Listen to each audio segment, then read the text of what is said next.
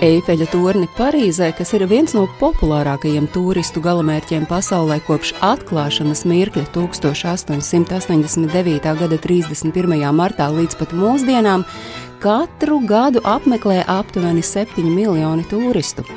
1889. gads bija Francijas revolūcijas simtgade, un par godu šim notikumam valdība bija nolēmusi pārsteigt iedzīvotājus un viesus ar patiesi neparastu celtni.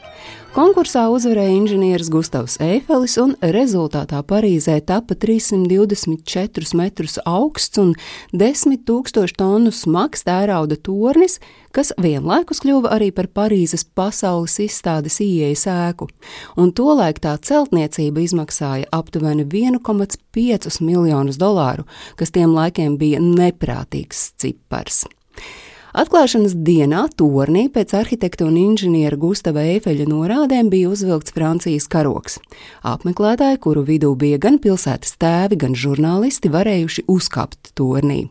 Tā kā lifti bija vēl tikai tapšanas stadijā, tad pirmie apmeklētāji gandrīz stundu kāpuši tērauda celtnē, un vēstures liecības vēsta, ka kāpiens bijis ne tas vieglākais, jo līdz galam tikuši tikai paši izturīgākie. Lai arī torni atklāja 31. martā, plašākai publikai to atvēra tā paša gada 6. maijā. Torņa pirmajā gadā izstādes laikā to apmeklēja 2 miljoni apmeklētāju, iztērējot par biļetēm iespaidīgas summas. Un jāteic, ka iesākumā torni Francijas iedzīvotāji neuzņēma ar sajūsmu. To mēdz dēvēt par skabargu pilsētas acī, to sauca arī par neglītāko ēku Parīzē.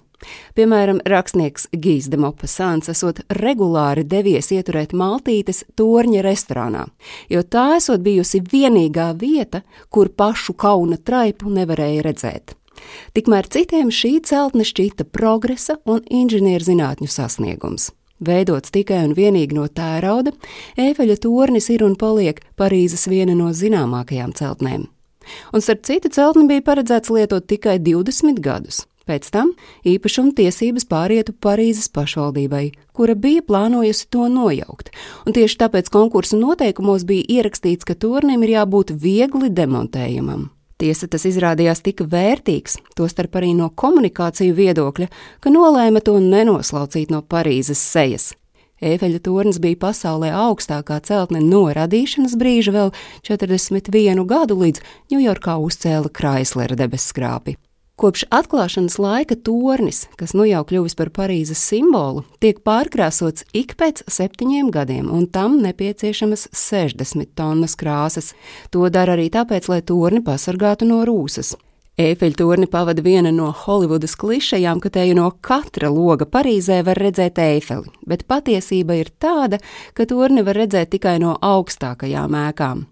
Franču autozīmols Citroen laika posmā starp 1925. un 1934. gadu izmantoja torni kā milzīgu reklāmas stendu kad kompānijas nosaukums esot bijis izgaismots ar aptuveni ceturdaļu miljonu gaismas spuldzītēm. Reklāmu tolaik reģistrēja Guinness rekordu grāmatā kā pasaules lielāko reklāmu. Tikmēr vācu okupācijas laikā tornis bija slēgts plašākai publikai, un nacisti eifeļa galā pielika kārškrustu. Tas gan esot bijis tik liels, ka nogāzies, un tad to apmainīja ar mazāku svastikas repliku, Un starp citu, ja ir vēlme pašam uzbūvēt savu eifeļa torni, tad to var pagatavot no 3428 LEGO klucīšiem. Pašā turnī iespējams uzkāpt pievarot 1665 pakāpienus. Tiesa lielākā daļa torņa apmeklētāju izmanto liftus.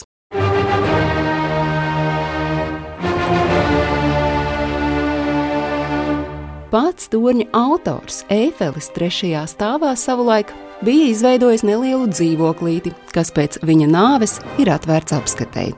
Bet viņa saulē Eifelis esot aizgājis klausoties Beethovena 5. simfoniju.